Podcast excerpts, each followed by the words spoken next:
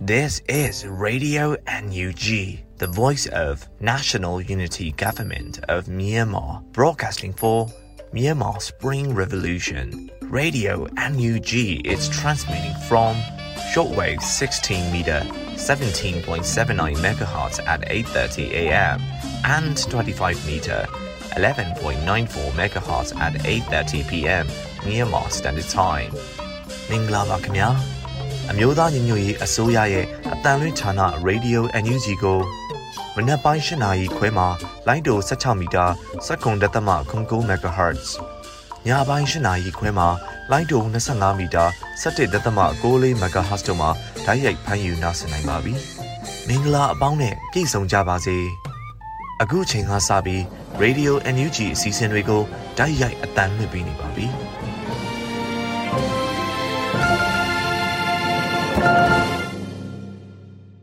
မြန်မာနိုင်ငံသူနိုင်ငံသားအပေါင်းတဘာဝပြီးစစ်အာဏာရှင်ပြီးတို့ကနေကင်းဝေးပြီးကိုစိတ်နှပါဘေးကင်းလုံခြုံကျန်းမာချမ်းသာကြပါစေလို့ Radio NUG အဖွဲ့သားတွေကဆုတောင်းမေတ္တာပို့သလိုက်ရပါတယ်ရှင်။အခုချိန်ကစပြီးကာကွယ်ရေးဝန်ကြီးဌာနရဲ့စီရေးသတင်းအကျဉ်းချုပ်ကိုຫນွေဦးလင်ကာကဖတ်ကြားတင်ပြပေးပါတော့မယ်ရှင်။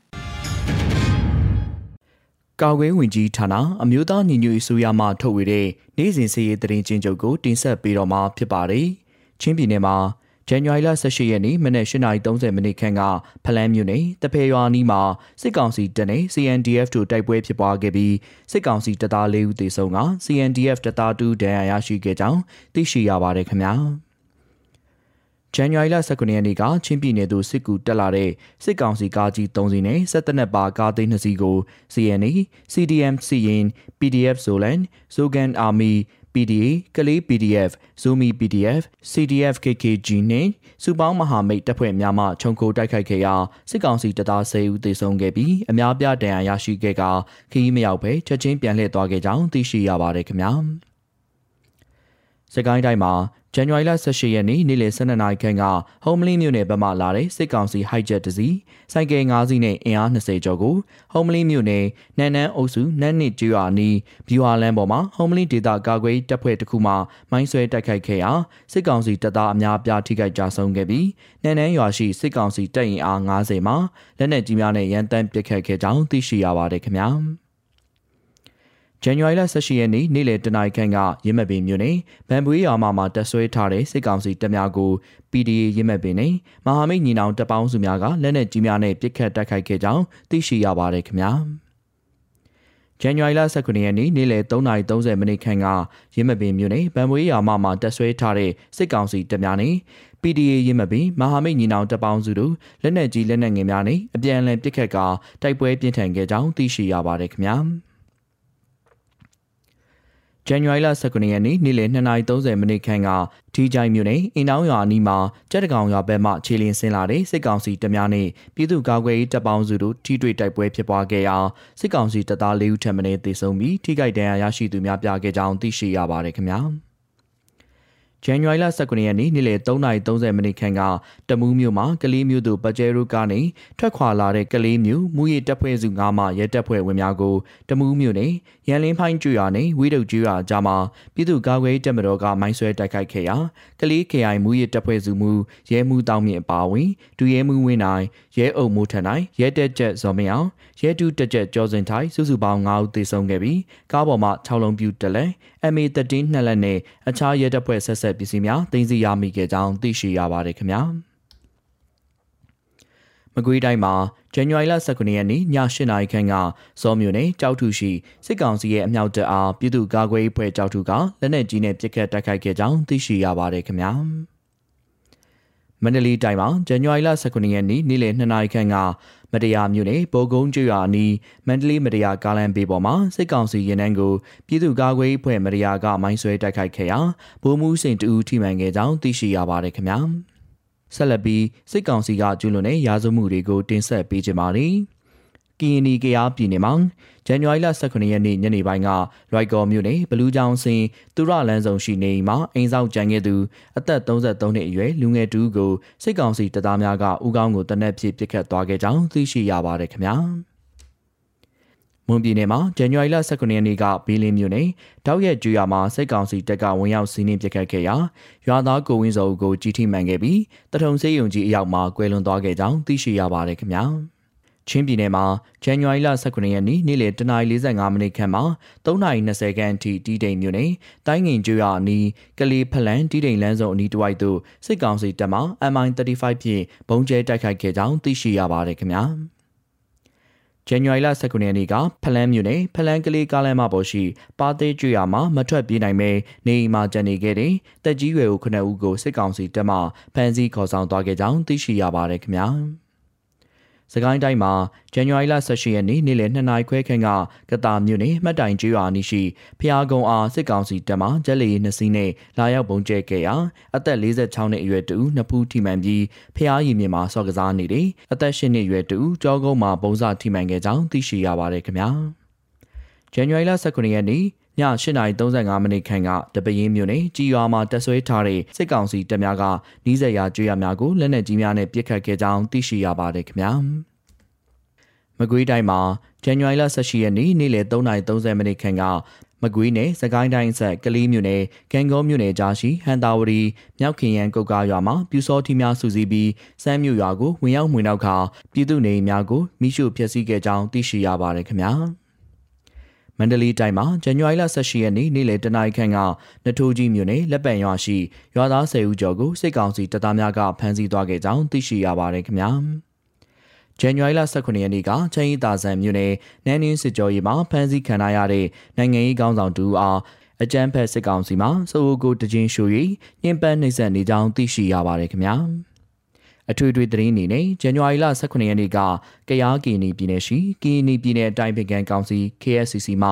ကီနီပြည်သူ့လုံခြုံရေးဆိုင်ရာအရေးပေါ်ထုတ်ပြန်ကြေညာချက်ထုတ်ပြန်ခဲ့ပြီးကီနီပြည်သူလူထုအနေနဲ့လေကြောင်းတိုက်ခိုက်မှုရန်ကိုကာကွယ်ပြီးဘေးကင်းလုံခြုံစွာရှင်သန်နိုင်ရေးအတွက်တတိထားရှောင်ကျဉ်ရမယ်အချက်၉ချက်ကိုမြစ်တာဖြစ်တိုက်တွန်းလို့ဆိုခဲ့ကြောင်းသိရှိရပါတယ်ခင်ဗျာ ယခုတင်ဆက်သွားတဲ့သတင်းတွေကိုမြေပြင်သတင်းတာဝန်ခံများနဲ့သတင်းဌာနတွေမှာဖော်ပြလာတဲ့အချက်လက်တွေပေါ်အခြေခံပြုစုထားခြင်းဖြစ်ပါတယ်ကျွန်တော်ကတော့နေဦးလင်ပါ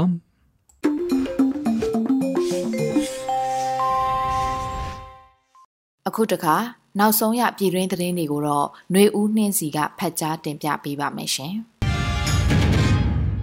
ခုချိန်ကစပြီးနောက်ဆုံးရပြည်တွင်းသတင်းများကိုဖတ်ကြားပါတော့မယ်။ဤသတင်းများကို Radio UNG သတင်းတာဝန်ခံများနဲ့ခိုင်လုံသောမိတ်ဖက်သတင်းရင်းမြစ်များစီမှအခြေခံတင်ပြထားခြင်းဖြစ်ပါတယ်ရှင်။ဟွန်ဆန်ဥက္ကဋ္ဌဖြစ်လာပြီးနောက်အာဆီယံအဖွဲ့အတွင်းသဘောထားကွဲလွဲမှုတွေဖြစ်နေတဲ့သတင်းကိုတင်ပြပေးပါမယ်။ တရုတ်နိုင်ငံရဲ့ဖိအားတွေကြောင့်ဖြစ်နိုင်တယ်လို့သုံးသပ်ခံနေရတဲ့ကမ္ဘောဒီးယားဝန်ကြီးချုပ်ရဲ့မြန်မာအာဏာသိမ်းစစ်အုပ်စုအပေါ်အလေးထားဆက်ဆံမှုတွေကိုအခြားသောအာဆီယံအဖွဲ့ဝင်နိုင်ငံတွေကကန့်ကွက်မှုအချို့ရှိခဲ့ပြီးအခုပတ်အတွင်းကျင်းပမယ်အာဆီယံနိုင်ငံခြားရေးဝန်ကြီးများအစည်းအဝေးလည်းရက်ရွှေ့ဆိုင်သွားပါပြီ။ဝန်ဆက်အနေနဲ့အာဆီယံဥက္ကဋ္ဌရာထူးလက်ခံရရှိတာနဲ့တပြိုင်နက်လိုလိုမှပဲအစိမ့်မြင့်ဝန်ကြီးချုပ်ခီးစဉ်အဖြစ်မြန်မာနိုင်ငံကိုတွားရောက်ခဲ့တာပါ။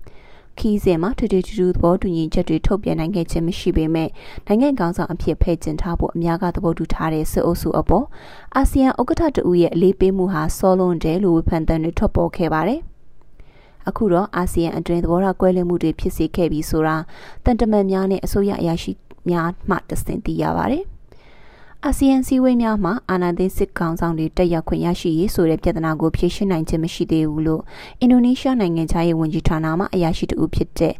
အဘဒူကဂျီအာဂျိုင်လာနီကပြောပါတယ်။အာဆီယံအဖွဲ့အတွင်းသဘောထားတွေညီညွတ်မှုရှိဖို့အတွက်အချိန်ယူဖို့လိုနေစေဆိုတာဝန်ခံရပါလိမ့်မယ်လို့အင်ဒိုနီးရှားနိုင်ငံခြားရေးဝန်ကြီးဌာနရဲ့အာရှပစိဖိတ်နဲ့အာဖရိကရေးရာညွှန်ကြားရေးမှူးချုပ်ဂျိုင်လန်နီကပြောတာပါ။ဇန်နဝါရီလ18ရက်နေ့မှာစတင်ကျင်းပမယ်။ အာဆီယံနိုင်ငံခြားရေးဝန်ကြီးများအစည်းအဝေးရရွှေ့လိုက်ရတာနဲ့ပတ်သက်ပြီးကိုဗစ်ရောဂါမီခရိုမျိုးကွဲရဲ့ချင်းချောက်မှုကြောင့်လို့နားလည်နိုင်ကြောင်း၎င်းကဆိုပါတယ်။ခီးသွွာလာမှုဆိုင်ရာအခက်အခဲများကိုအာဆီယံဖွဲ့ဝင်နိုင်ငံခြားရေးဝန်ကြီးအချို့အစည်းအဝေးတက်ရောက်မှုအပေါ်အတားအဆီးဖြစ်စေတယ်ဆိုပြီးကမ္ဘောဒီးယားကပြည်ခဲ့တဲ့ဘက်ကအစည်းအဝေးပြည့်ရွှင်မှုကိုအကြောင်းပြပါတယ်။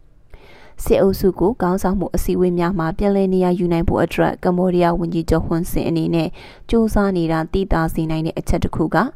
အာဆီယံရဲ့ယခုနှစ်အဖွင့်အစည်းအဝေးအတွက်လဲစစ်အုပ်စုနိုင်ငံခြားရေးဝန်ကြီးဝနမောင်လွင်ကိုဖိတ်ကြားထားခြင်းဖြစ်ပါတယ်။မမလေးရှားနိုင်ငံသားရေးဝန်ကြီးဆိုင်ဖူဒင်အဘဒူလာနဲ့စင်ကာပူဝန်ကြီးချုပ်လီရှန်လွန်တို့ကတော့ဒါကိုကန့်ကွက်ဆန့်ကျင်ကြောင်းပွင့်ပွင့်လင်းလင်းထုတ်ဖော်ခဲ့ကြပါတယ်။ ကန့်ကွက်ရမှာလဲမင်းအောင်လှိုင်ဦးဆောင်တဲ့စစ်အုပ်စုအနေနဲ့အာဆီယံဘုံသဘောတူညီချက်တွေကိုတိုးတက်အောင်လှုံ့ဆော်ထားခြင်းမရှိသေးတာမို့ဒီအချက်အလက်တွေကိုအခြေခံထောက်ထားပြီးမှသာစဉ်းစားသင့်တယ်လို့ဆိုခဲ့ပါတယ်။မြည်သည့်အတွက်ကြောင့်အာဆီယံဝန်ကြီးများအစည်းအဝေးမတက်ရောက်နိုင်တယ်လေဆိုတာကိုတော့အကျယ်တဝင့်ရှင်းလင်းဖို့ကမ္ဘောဒီးယားနိုင်ငံခြားရေးဝန်ကြီးဌာနပြောရေးဆိုခွင့်ရှိသူကွေကူအောင်ကညှင်းဆန်ခဲ့ပါတယ်။ ဟွန်ဆန်မြန်မာနိုင်ငံသို့ရောက်လာပြီးမင်းအောင်လှိုင်နဲ့တွေ့ဆုံခဲ့ပြီးနောက်အာဆီယံနိုင်ငံခြားရေးဝန်ကြီးများအစည်းအဝေးရွှေ့ဆိုင်သည့်ရလက်ထွက်ခဲ့တာတွေကတော့တပြိုင်တည်းလိုလိုပါပဲ။အဓိကပြဿနာကကမ္ဘောဒီးယားကဝနမောင်လင်ကိုအစည်းအဝေးဖိတ်ကြားမှုနဲ့ပတ်သက်လို့သဘောထားကွဲလွဲမှုတွေဖြစ်ပါတယ်လို့ဒေသတွင်းပါတနာများနဲ့စကားပြောဆိုခဲ့သည့်သတင်းရင်းမြစ်တူကပြောပါတယ် အာနာသိန်းစစ်ဗိုလ်ချုပ်များဘက်ကအာနာသိန်းပြည်နောက်ထုတ်ဖော်ခဲ့တဲ့လမ်းပြမြေပုံဆိုတာကလည်းအာဆီယံသဘောတူညီချက်နဲ့တိတိတတ်တာကွဲလွဲနေတာတွေ့ရပါတယ်။အာဆီယံဘုံသဘောတူညီချက်ကိုမြည်သည့်လမ်းပြမြေပုံနဲ့မျှမချိတ်ဆက်တင်ကြောင်းဖိလစ်ပိုင်နိုင်ငံခြားရေးဝန်ကြီးတီအိုဒိုရိုလော့စင်ကအလေးပေးပြောကြားပါတယ်။အခုလိုအာဆီယံအတွင်းသဘောထားကွဲလွဲမှုနေမှုနဲ့ပတ်သက်ပြီး ကွဲပြားတဲ့အမြင်တွေကိုစူးစီးဖြည့်ရှင်းဖို့အချိန်လိုသေးတယ်ဆိုတာဝန်ခံရပါမယ်လို့အင်ဒိုနီးရှားနိုင်ငံသားရေးဝန်ကြီးရဲ့အာရှပစိဖိတ်နဲ့အာဖရိကရေးရာညွှန်ကြားရေးမှူးချုပ်ခြိုင်လာနီကသတင်းထောက်တွေကိုပြောခဲ့တယ်လို့ရိုက်တာသတင်းဌာနကဖော်ပြခဲ့ပါတယ်။အကြံဖတ်အာနာသိန်းစစ်အုပ်စုရဲ့ခေါင်းဆောင်မင်းအွန်လိုင်းကတော့မြန်မာနဲ့ရက်တည်မှုအတွက်ဟွန်ဆန်ကိုကျေးဇူးတင်ကြောင်းပြောခဲ့ပါတယ်ရှင်။ရခိုင်ဒေသမှာရခိုင်တပ်မတော်နဲ့အာဏာသိမ်းစစ်တပ်အကြားစစ်ရေးတက်မှမှုတကြောပြန်ဖြစ်လာနေပါတယ်။ မြန်မာပြည်အာဏာသိမ်းခံရပြီးနောက်စစ်ရေးထိတွေ့မှုမရှိတဲ့ရခိုင်တပ်မတော် AA ရှိရာရခိုင်ပြည်နယ်မှာပြီးခဲ့တဲ့နိုဝင်ဘာလအတွင်းပထမဆုံးစစ်ရေးတက်မှမှုတွေရှိခဲ့ပေမဲ့နှစ်ဖက်တပ်တွေတိုက်ပွဲပြင်းထန်ခဲ့တာမျိုးမရှိခဲ့ပါဘူး။ဇန်နဝါရီလ18ရက်နေ့ကစလို့ကြောက်တော်မြို့နယ်အတွင်းကရခိုင်လက်နက်ကိုင် AA ထိန်းချုပ်ထားတဲ့ပီချောင်းဒေသဘက်ကိုစစ်တပ်တွေဝင်လာတာကြောင့်ပီထုကျေးရွာသားအချို့ဘေးလွတ်ရာတိမ်းရှောင်ခဲ့ကြရပါတယ်။ ရခိုင်တပ်မတော် AA နဲ့အမျိုးသားညီညွတ်ရေးအစိုးရ UNG အကြားဆွေးနွေးမှုတွေရှိနေတဲ့ဆိုတဲ့သတင်းထွက်ပေါ်ခဲ့ပြီးနောက်ပိုင်းရခိုင်မြောက်ပိုင်းဒေသအခုလိုစစ်ရေးတင်းမာမှုအချို့ပြန်ဖြစ်လာခဲ့တာပါ။အာနာသိန်းစစ်တပ်ဘက်ကအခုရပိုင်းအတွင်းခက်ဆစ်ဆစ်လှုပ်ရှားမှုတွေတွေ့ရတယ်။မြို့တဲ့အထိပါရောက်လာတတ်ပြီးအချို့လမ်းစုံလမ်းကွာတွေမှာနေရာယူထားတာလည်းတွေ့ရတဲ့အကြောင်းဒေသခံတွေကပြောပါတယ်။အခုလိုလှုပ်ရှားမှုတွေကြောင့်ပြည်သူကြားထဲမှာလည်းနည်းနည်းလှုပ်လှုပ်ရွရွဖြစ်သွားတယ်။ အချို့ဒေသဘက်တွေမှာလည်းမတည်ငြိမ်မှုတွေဖြစ်သွားတယ်။စိုးရင်စိတ်တွေနဲ့အချို့ကစစ်ဖြစ်မှာဆိုပြီးမိသားစုအလိုက်တိန့်ရှောင်ကြတဲ့အနေအထားတောင်ကျွန်တော်တို့ကြားရတယ်ပေါ့လို့ကြောက်တော်မြို့နယ်ပြည်သူ့လွှတ်တော်ကိုယ်စားလှယ်ဟောင်းဦးထွန်းဝင်းကပြောပါတယ်။နှစ်ဖက်တပ်တွေရှိတဲ့ကြောက်တော်မြို့နေရာအချို့မှာစစ်တပ်ဘက်ကရောအေးအေးဘက်ကပါနေမြေချက်တွင်တက်ဆွဲမှုတွေလှုပ်လာနေကြပါပြီ။အခုချိန်ထိစစ်တပ်ဘက်ကဝင်စုရွာမှာရှိနေတော့မှာ နောက်ပြီးအဲ့ဒီနာကမွတ်စလင်စတေးကမ်းမှာလည်းအာနာသိန်းစစ်အုပ်စုတက်ဆွဲထားကြတော့မှာပြီးချောင်းထဲမှာတော့ရေတပ် Navy ကိုရထားပြီးရှေလန်ခီအသွားအလာတွေကိုပိတ်ထားတဲ့အကြောင်းဒေသခံရွာသားတူကပြောပါတယ်။အနီးနားရှိကျွော်တချို့မှာကလေးငယ်နဲ့တက်ကြီးရွယ်အိုအပါအဝင်ရွာသားအချို့ဇန်နဝါရီလ18ရက်နေ့ကစတင်ပြီးကြောက်တော်မြို့ပေါ်သို့ထွက်ပြေးတိမ်းရှောင်မှုတွေလည်းရှိလာနေပါပြီ။ခုချိန်ကနှစ်ဖက်စလုံးတိုက်ပွဲဖြစ်ဖို့အဆင်သင့်မဖြစ်သေးဘူးလို့မြင်ပါတယ်။ စစ်တပ်ဘက်ကတော့အေအေကိုသွေးတိုးဆန့်ချင်နေသလားတော့မသိဘူး။စစ်စစ်တပ်ဘက်ကအရှိတိုးလာရင်တော့တိုက်ပွဲတွေဖြစ်လာနိုင်ပါတယ်လို့ဒေသခံတူကသူ့အမြင်ကိုပြောပါတယ်။မြန်မာပြည်အနှံမှာပြည်သူ့ကာကွယ်ရေးတပ်နဲ့အခြားသောတိုင်းရင်းသားလက်နက်ကိုင်တပ်တို့ပူးပေါင်းပြီးစစ်ကောင်စီအပေါ်ခုခံတွန်းလှန်စစ်တိုက်ပွဲတွေပြင်းထန်နေစေပါပဲ။နှစ်ဖက်တပ်တွေလှုပ်ရှားမှုတွေနဲ့ပတ်သက်ပြီးပြီးခဲ့တဲ့ရက်ပိုင်းကစစ်တပ်ကလက်နက် တဲ့တဲ့ Navy ကြီးတစီစစ်တွေကိုရောက်လာတယ်။ဒီနေ့12နာရီလောက်ကတော့စစ်တွေဘက်ကနေဘူးသီးတောင်ဘက်ကိုစစ်ရဟတ်ရင်တစီပြန်သွားပါတယ်။စစ်တပ်ဘက်ကတော့စစ်ရေးပြင်ဆင်နေတယ်လို့ပြောလို့ရပါတယ်ဟုရခိုင်ဒေသခံတဦးက MPA သတင်းဌာနကိုပြောပါတယ်။ ရခိုင်တပ်မတော် AA အနေနဲ့လွတ်လပ်ရေးကိုတေချပေါက်လိုချင်ကြောင်းရခိုင်ပြည်ဖိုးဖီးတို့မြေကိုပြန်လည်ရယူနိုင်ဖို့အတွက်အင်အား3000ကနေ9000ထိလိုအပ်ကြောင်းရခိုင်တပ်မတော် AAE စစ်ဦးစီးချုပ်ဗိုလ်ချုပ်ထွန်းမြတ်နိုင်ကနိုင်ငံတကာမီဒီယာသို့ပြောဆိုထားတာလည်းရှိပါတယ်။အမျိုးသားညီညွတ်ရေးအစိုးရယာယီသမ္မတဒူဝါလက်ရှိလာကစစ်အာဏာရှင်စနစ်ပြုတ်ကျရေးတော်လန်ရခီမှာ AA နဲ့အတူလက်တွဲကြိုးပမ်းလိုကြောင်း AA ထံပေးဖို့သည့်အကြောင်းကြားစာတွင်ထည့်သွင်းရေးသားဖူးပါတယ် ရခိုင်အမျိုးသားအဖွဲ့ချုပ် ULA AA ကလည်း UNG ယာယီသမ္မတထံပေးပို့တဲ့မင်္ဂလာသဝဏ်လွှာတွေအမျိုးသားလွတ်မြောက်ရေးအောင်ပွဲကိုအရယူနိုင်ပါစေကြောင်းဒီဇင်ဘာလ12ရက်နေ့ကဆုတောင်းပေးပို့ခဲ့ကြောင်းသိရပါတယ်ရှင်။တဝဲမျိုးတွင်စစ်တပ်ထုတ်ကုန်များကိုအားပေးရောင်းချခြင်းတားဆီးနိုင်ဖို့တဝဲခရိုင်တပိတ်ကမတီများကြိုးပမ်းတဲ့တရင်ကိုတင်ဆက်ပေးချင်ပါတယ်။ တဝဲမျိုးတွင်စစ်တပ်ထုတ်ကုန်များအားပေးရောင်းချခြင်းတားဆီးနိုင်ဖို့တဝဲခရိုင်တပိတ်ကမတီတွေကစ조사သတိပေးနေကြပါတယ်။အာဏာသိမ်းစစ်တပ်ရဲ့အကြမ်းဖက်နှိမ်နင်းမှုကိုခံနေရဆဲဖြစ်တဲ့မြန်မာနိုင်ငံတောင်ပိုင်းတနင်္သာရီတိုင်းတဝယ်မြို့ပေါ်ရှိအယောင်းဆိုင်အချို့နဲ့စားတောက်ဆိုင်များတွင်စစ်ကောင်စီကိုအထောက်အပံ့ဖြစ်စေတဲ့စစ်တပ်ထုတ်ကုန်အဖြောရမကားများရောင်းချခြင်းမပြုကြရင်သတိပေးလှုပ်ဆော်နေကြပါတယ်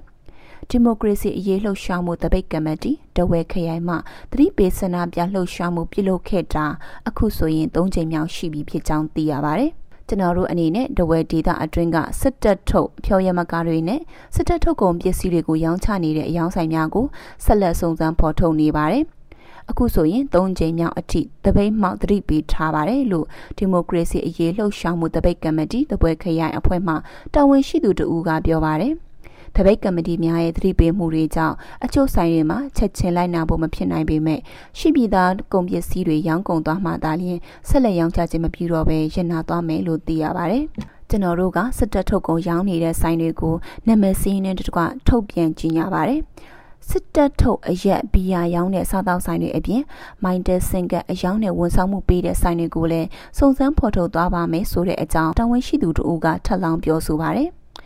စကိုင်းတိုင်းဒေသကြီးအင်တော်မြို့နယ်အတွင်းကတာမမော်လူဘတ်တို့ကားဖြင့်မောင်းနှင်သေးဆောင်လာသောစစ်တပ်ထုတ်ကုန်ဘီယာ133ဖာခမန်းရေးအတွက်2386ဘူးခန့်ကိုအင်တော်မြို့နယ် KIA နဲ့ PDF ပူးပေါင်းတပ်ဖွဲ့ကဇန်နဝါရီလ18ရက်နေ့မှာပဲဖျက်ဆီးနိုင်ခဲ့ကြပါတယ်။ မြန်မာနိုင်ငံအနှံ့တွင်စစ်တပ်ပိုင်းမိုင်းတဲတာဝါတိုင်းများတစ်ခုပြီးတစ်ခုဖြိုချဖျက်ဆီးပစ်နေခြင်းကိုအဖိနှိတ်ခံပြည်သူ့ကာကွယ်ရေးတပ်ဖွဲ့တွေကစစ်စင်ရေးအသွင်ပြုလုပ်နေကြဆဲဖြစ်ပါတယ်။အခုလိုစစ်တပ်စီးပွားရေးကိုရပ်တန့်ပစ်နိုင်ရေးလှုပ်ရှားမှုမျိုးစုံကိုကမ်ပိန်းပုံစံဖြင့်ပုံမှန်လုပ်လာခဲ့ရမှာစစ်တပ်ထုတ်ကုန်ရောင်းအားများလဲတစတစကျဆင်းနေတယ်လို့သိရှိရပါတယ်ရှင်။ကျမຫນွေဦးနှင်းစီပါရှင်။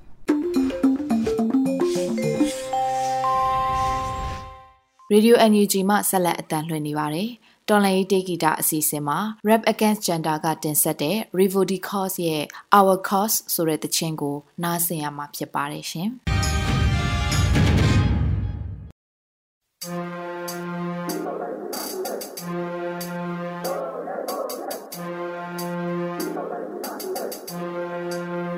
Democracy ရရှိရေး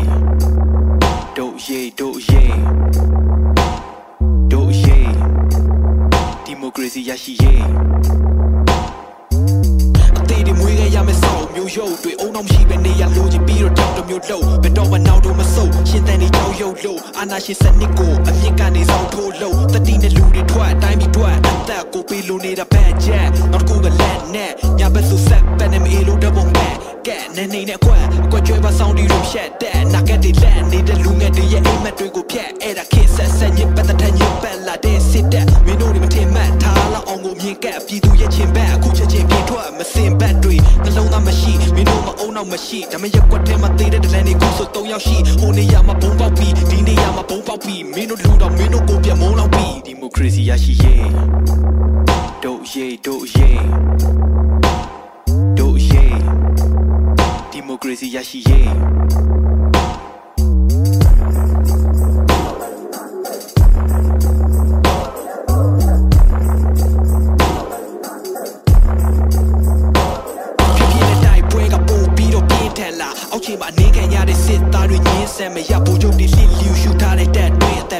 နာရှင်အတွက်ပြည်သူကိုတဲ့ရတာမင်းတက်လာထွက်ခဲ့လိုက်မင်းပဲလူမျိုးပဲပါတာဝင်ဖြစ်နေပါစေတူတူတွန်းလက်ကြအားလုံးအာနာရှင်စနစ်တချို့တွေတော်တယ်မတော်နိုင်လဲငွေအပါလာရင်ဖြစ်တယ်ပတ်သက်များရင်တက်နိုင်ဘူးဆိုအခါခါဝင်ကလစ်တချို့ကကြဆုံးသွားတဲ့လူငယ်တွေတော့ဝမ်းနေပြပြီးတော့ပိုးရာလေးတွေလူအိမ်မှာခင်းနေဖြစ်စား luxury ပစ္စည်းတွေကိုမင်းဝယ်နေစေပဲလားငါတို့တွေပတ်သက်လုံးဝဖြုံးတင်တော့မနေနဲ့မငါပြောမယ်အားလုံး PDF drug ငါခံစုလူနေတာဘတ်ချက်တော့ကူကလက်နဲ့ညာ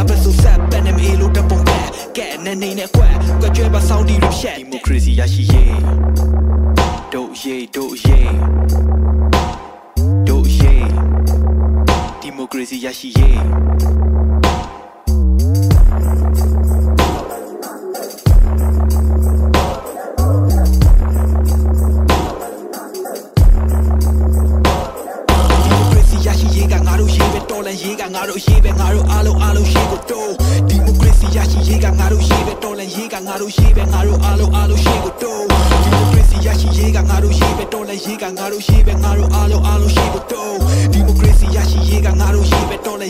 တို့ရေးပဲငါတို့အားလုံး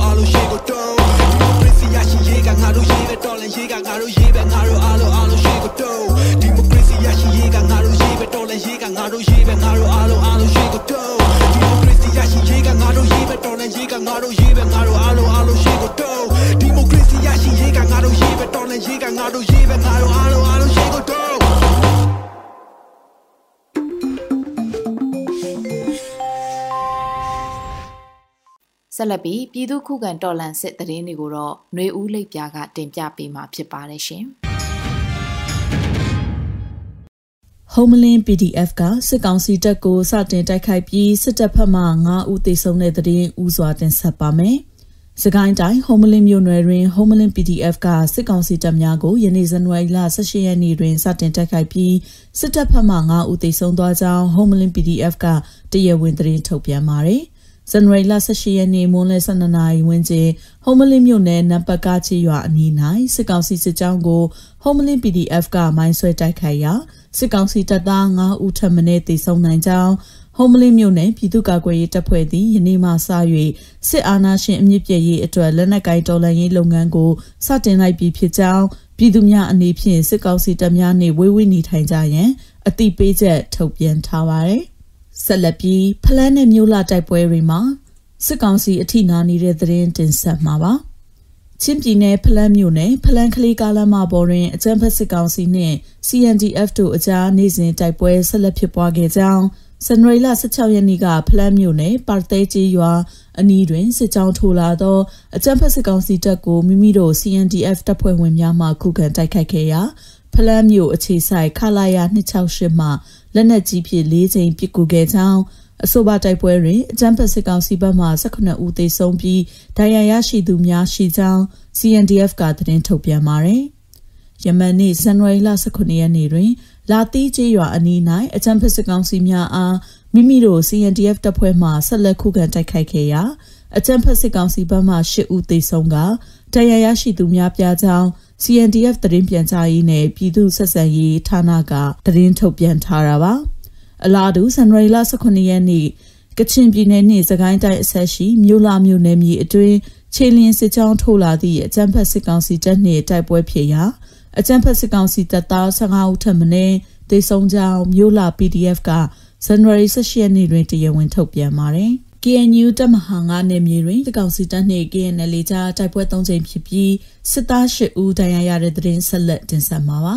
။ကရင်မျိုးသားအစည်းအရုံး KNU တပ်မဟာ9နယ်မြေမူတရဖပွန်ခရိုင်ဒွယ်လိုမျိုးနယ်နှင့်ထွေတီဦးရွာတွင်ယနေ့ဇန်နဝါရီလ18ရက်တွင်အကြံဖက်စစ်ကောင်စီတပ်နှင့်ကရင်အမျိုးသားလူမျိုးရေးတပ်မတော် KNL ကြားတိုက်ပွဲ၃ကြိမ်ဖြစ်ပွားပြီးစစ်သား၈ဦးဒဏ်ရာရရှိကြောင်းသတင်းရရှိပါသည်။ KNU တပ်မဟာ9နယ်မြေကမမောင်းမြို့နယ်မဲပလီကျေးရွာရှိစစ်ကောင်စီလက်အောက်ခံ BGF တရင်1014စခန်းကို KNL တရင်102ကဇန်နဝါရီလ16ရက်နေ့တွင်ဝင်ရောက်တိုက်ခိုက်ခဲ့ပြီးမိရှို့ဖျက်ဆီးခဲ့ပြီးနောက်အဆိုပါဒေတာတဝိုက်တွင်အင်တာနက်များဖုန်းလိုင်းများဖျက်တောက်လိုက်ကြောင်းသိရှိရတာပါ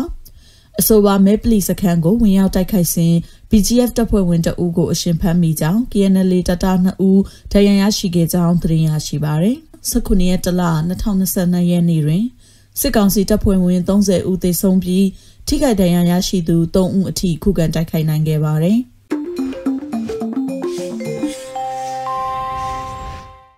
Radio NUG မှဆက်လက်အတန်းလွှင့်ပေးနေပါတယ်။ PVTV နေ့စဉ်သတင်းတွေကိုတော့ထက်ထက်အင်ဒရာအောင်ကဖတ်ကြားတင်ပြပေးထားပါတယ်ရှင်။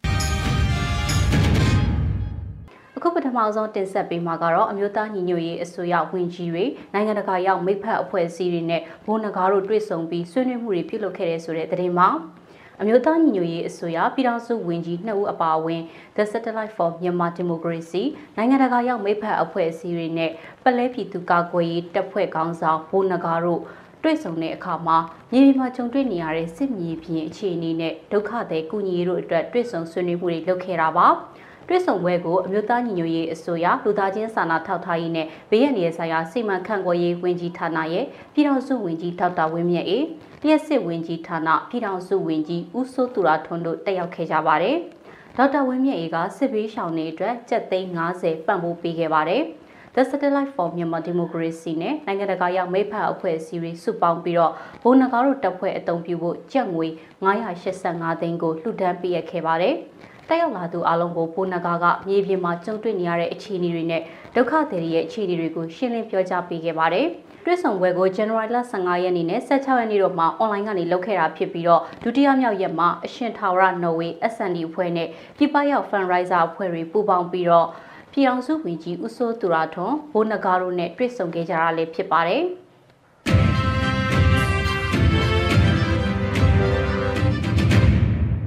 ဆက်လက်ပြီးဂျာမနီရောက်မြန်မာအတိုင်ဝန်းနဲ့အမျိုးသားညီညွတ်ရေးအစိုးရနိုင်ငံသားရေးဝန်ကြီးတို့တွေ့ဆုံဆွေးနွေးရဲဆိုတဲ့သတင်းကိုတင်ဆက်ပေးပါမယ်။ဂျာမနီရောက်မြန်မာအတိုင်ဝန်းမြန်မာအရေးစိတ်ဝင်စားသူတွေနဲ့အမျိုးသားညီညွတ်ရေးအစိုးရနိုင်ငံသားရေးဝန်ကြီးဌာနပြည်ထောင်စုဝန်ကြီးဒေါ်စင်မအောင်ဒုဝန်ကြီးဦးမိုးစောဦးတို့တွေ့ဆုံပွဲကိုဇန်နဝါရီလ16ရက်ကပြုလုပ်ခဲ့တယ်လို့နိုင်ငံသားရေးဝန်ကြီးဌာနကသိရပါဗျ။ ဆွေးနွေးပွဲမှာဂျာမနီရောက်မြန်မာ community အသီးသီးရဲ့တာဝန်ရှိသူတွေဂျာမနီရောက်မြန်မာနိုင်ငံသားတွေဂျာမနီနိုင်ငံမှာရှိတဲ့မြန်မာအရေးကိုစိတ်ပါဝင်စားသူတွေနဲ့တက်သည့်ပညာရှင်တွေတက်ရောက်ခဲ့ကြပါတယ်။မြန်မာအရေးနဲ့ပတ်သက်ပြီးတော့တိလိုတာတွေကိုတက်ရောက်လာတဲ့သူတွေကမေးမြန်းမှုတွေပြုလုပ်ခဲ့ကြပါတယ်။နိုင်ငံခြားရေးဝန်ကြီးဌာနပြည်တော်စုဝန်ကြီးနဲ့ဒုဝန်ကြီးတို့ကဖြည့်ချမှုတွေဆွေးနွေးမှုတွေလုပ်ခဲ့ပြီးရင်းရင်းနှီးနှီးတွေ့ဆုံခဲ့ကြတယ်လို့သတင်းထုတ်ပြန်ချက်မှာဖော်ပြထားတာကိုတွေ့ရပါတယ်။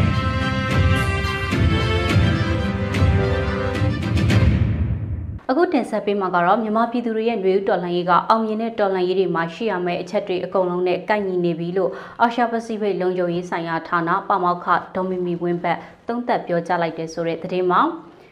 အကြမ်းဖက်အာဏာသိမ်းထားတဲ့စစ်တပ်ကိုတော်လှန်နေတဲ့မြန်မာပြည်သူတွေရဲ့ຫນွေဥတော်လှန်ရေးကအောင်မြင်တဲ့တော်လှန်ရေးတွေမှာရှိရမယ့်အချက်တွေအကုန်လုံးနဲ့ကိုက်ညီမှုရှိနေပြီလို့အာရှပစိဖိတ်လုံခြုံရေးဆိုင်ရာဌာနပမောက္ခလည်းဖြစ်အမေရိကန်နိုင်ငံစစ်တပ်ရဲ့အငြိမ်းစားဒုဗိုလ်မှူးကြီးလည်းဖြစ်တဲ့ဒေါ်မီမီဝင်းဘတ်ကသုံးသပ်ပြောကြားလိုက်ပါတယ်။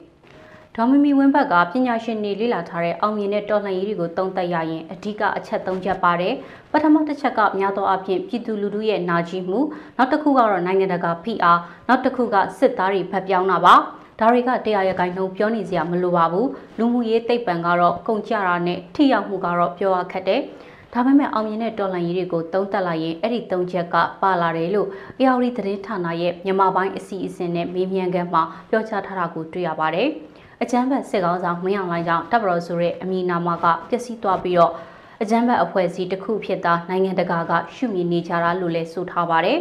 ။ကမ္ဘာကျော်အကြမ်းဖက်အဖွဲ့အစည်းတွေဖြစ်တဲ့တာလီဘန်တို့အယ်ကိုင်ဒါတို့လိုပဲအကြမ်းဖက်စစ်ကောင်ဆောင်မင်းအောင်လှိုင်ဦးဆောင်တဲ့စစ်တပ်ကနာမည်ကြားတာနဲ့အကြမ်းဖက်အဖွဲ့အစည်းတစ်ခုလို့သတ်မှတ်နေကြပြီလို့လည်းပြောထားတာတွေ့ရပါတယ်။ပြည်သူ့ကာကွယ်ရေးတပ်ဖွဲ့တွေနဲ့တိုင်းဒေသလက်နက်ကိုင်အဖွဲ့အစည်းတွေရဲ့ပူးပေါင်းဆောင်ရွက်နေမှုတွေကိုလည်း မြမရဲ့တမိုင်းမှာတခါမှမကြုံဘူးတဲ့ပူပေါင်းဆောင်ရွက်မှုတစ်ခုလို့တွေ့နေရတယ်။အနာဂတ်အတွက်ကောင်းကျိုးတွေထွက်နိုင်တယ်လို့လည်းထင်တယ်။သုံးသက်တယ်။တော်တော်ချီးကျူးအောင်စရာကောင်းတယ်။ EO တွေနဲ့ PDF တွေကသူတို့မှာစာချုပ်တွေပါတွေမရှိပေမဲ့လိုအပ်လာရင်တယောက်နဲ့တယောက်ကူညီပေးနေကြတယ်။ဒါတွေကအားတက်စရာလို့ပြောလို့ရတယ်လို့ဒေါ်မီမီဝင်းဘက်ကပြောထားပါသေးတယ်။ 2016ခုနှစ်အတွင်းမှာအကြမ်းဖက်စစ်တပ်ကကိုယ်စားလှယ်တွေနဲ့ဒေါ်မမီဝင်းဖက်အပါအဝင်အမေရိကန်စစ်တပ်ကကိုယ်စားလှယ်တွေလုံခြုံရေးဆိုင်ရာဆွေးနွေးမှုတွေလုပ်ခဲ့ပါသေးတယ်။အကြမ်းဖက်စစ်ကောင်ဆောင်တွေအနေနဲ့အခုလိုအာဏာသိမ်းတာမျိုးယူယူမိုက်မိုက်မလုပ်နိုင်ပါဘူးလို့စဉ်းစားခဲ့ပြီးမှသာဆွေးနွေးမှုတွေလုပ်ခဲ့တာဖြစ်ပြီးတော့ဒီလိုအနေအထားမျိုးနဲ့ဆိုရင်ဆွေးနွေးမှုတွေလုပ်เสียအကြောင်းကိုမရှိဘူးလို့ပြောကြားထားတာကိုလည်းတွေ့ရပါတယ်။ မြန်မာနိုင်ငံသူနိုင်ငံသားအလုံးပဲဆရာနာရှင်ဘေးကနေအများဆုံးလမြောက်ကြပါစေလို့ဆန္ဒပြုလိုက်ရပါတယ်။ကျေးဇူးတင်ပါတယ်ရှင်။ဒီကနေ့ကတော့ဒီညနေပဲ Radio NUG ရဲ့အစည်းအဝေးကိုခਿੱတရရလိုက်ပါမယ်။မြန်မာစံတော်ချိန်မနက်၈နာရီခွဲနဲ့ည၈နာရီခွဲအချိန်တွေမှာပြန်လည်ဆုံးဖြတ်ကြပါစို့။ Radio NUG ကိုမနက်ပိုင်း၈နာရီခွဲမှာလိုင်းဒို16မီတာစက္ကန့်တသမ9 MHz ညပိုင်း၈နာရီခွဲမှာလိုင်းဒုံ25မီတာ17.6 MHz တို့မှာဓာတ်ရိုက်ဖမ်းယူနားဆင်နိုင်ပါပြီ။မြန်မာနိုင်ငံသူနိုင်ငံသားများကိုစိတ်နှပြကျန်းမာချမ်းသာလို့ဘေးကင်းလုံခြုံကြပါစေလို့ Radio NUG အဖွဲ့သူအဖွဲ့သားများကဆုတောင်းလိုက်ရပါတယ်။အမျိုးသားညီညွတ်ရေးအစိုးရရဲ့စက်သွေးရေးတရင်အချက်အလက်နဲ့ဤပညာဝန်ကြီးဌာနကထုတ်လွှင့်နေတဲ့ Radio NUG ဖြစ်ပါတယ်။ San Francisco Bay Area အခြေစိုက်မြန်မာမိသားစုများနဲ့ နိုင်ငံတကာကစေတနာရှင်များလှုပ်အားပေးများရဲ့ Radio NUG ဖြစ်ပါတယ်။အရေးတော်ပုံအောင်ရမည်